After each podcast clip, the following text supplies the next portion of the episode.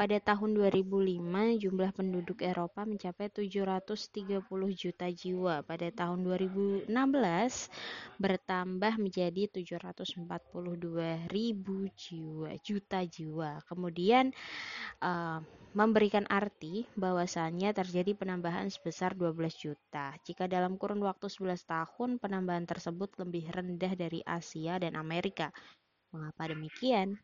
Pertambahan penduduk Eropa yang relatif lebih rendah tidak lepas dari angka kelahiran yang lebih kecil dari dua benua sebelumnya, yaitu Amerika dan Asia. Angka kelahiran hanya 11 jiwa per seribu penduduk dan angka kematian juga sama, yaitu 11 kematian tiap seribu penduduk.